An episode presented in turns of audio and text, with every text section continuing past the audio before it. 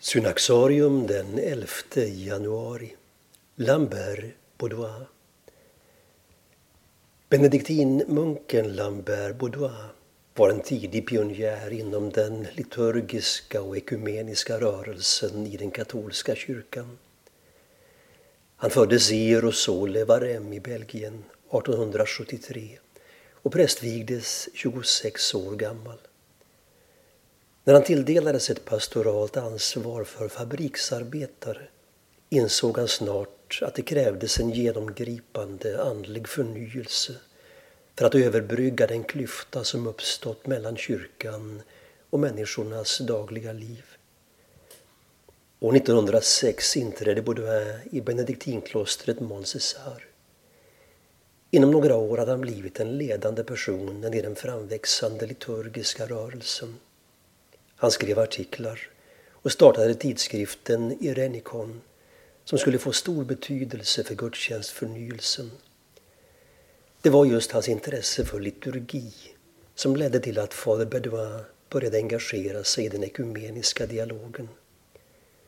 Han kom att bli en framstående kännare av östkyrkans spiritualitet och verkade under hela sitt liv för enhet mellan kyrkorna.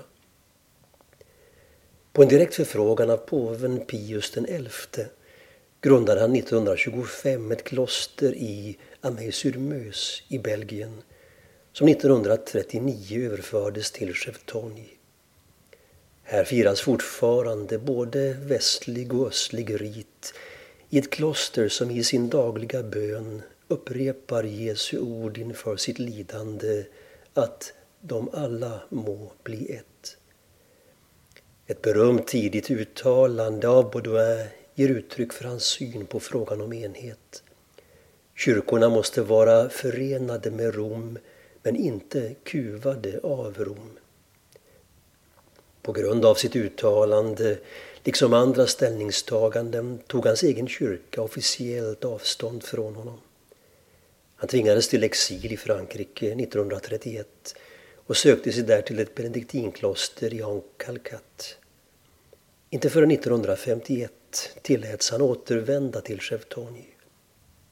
Trots den kyrkliga bannbullan deklarerade påven Johannes den 23 vid ingången till andra Vatikankonciliet att den enda möjliga vägen att verka för en återförening av kyrkorna var den som fader Baudouin hade förespråkat. Lambert Baudouin dog den 11 januari 1960 i det kloster han hade grundat 1925.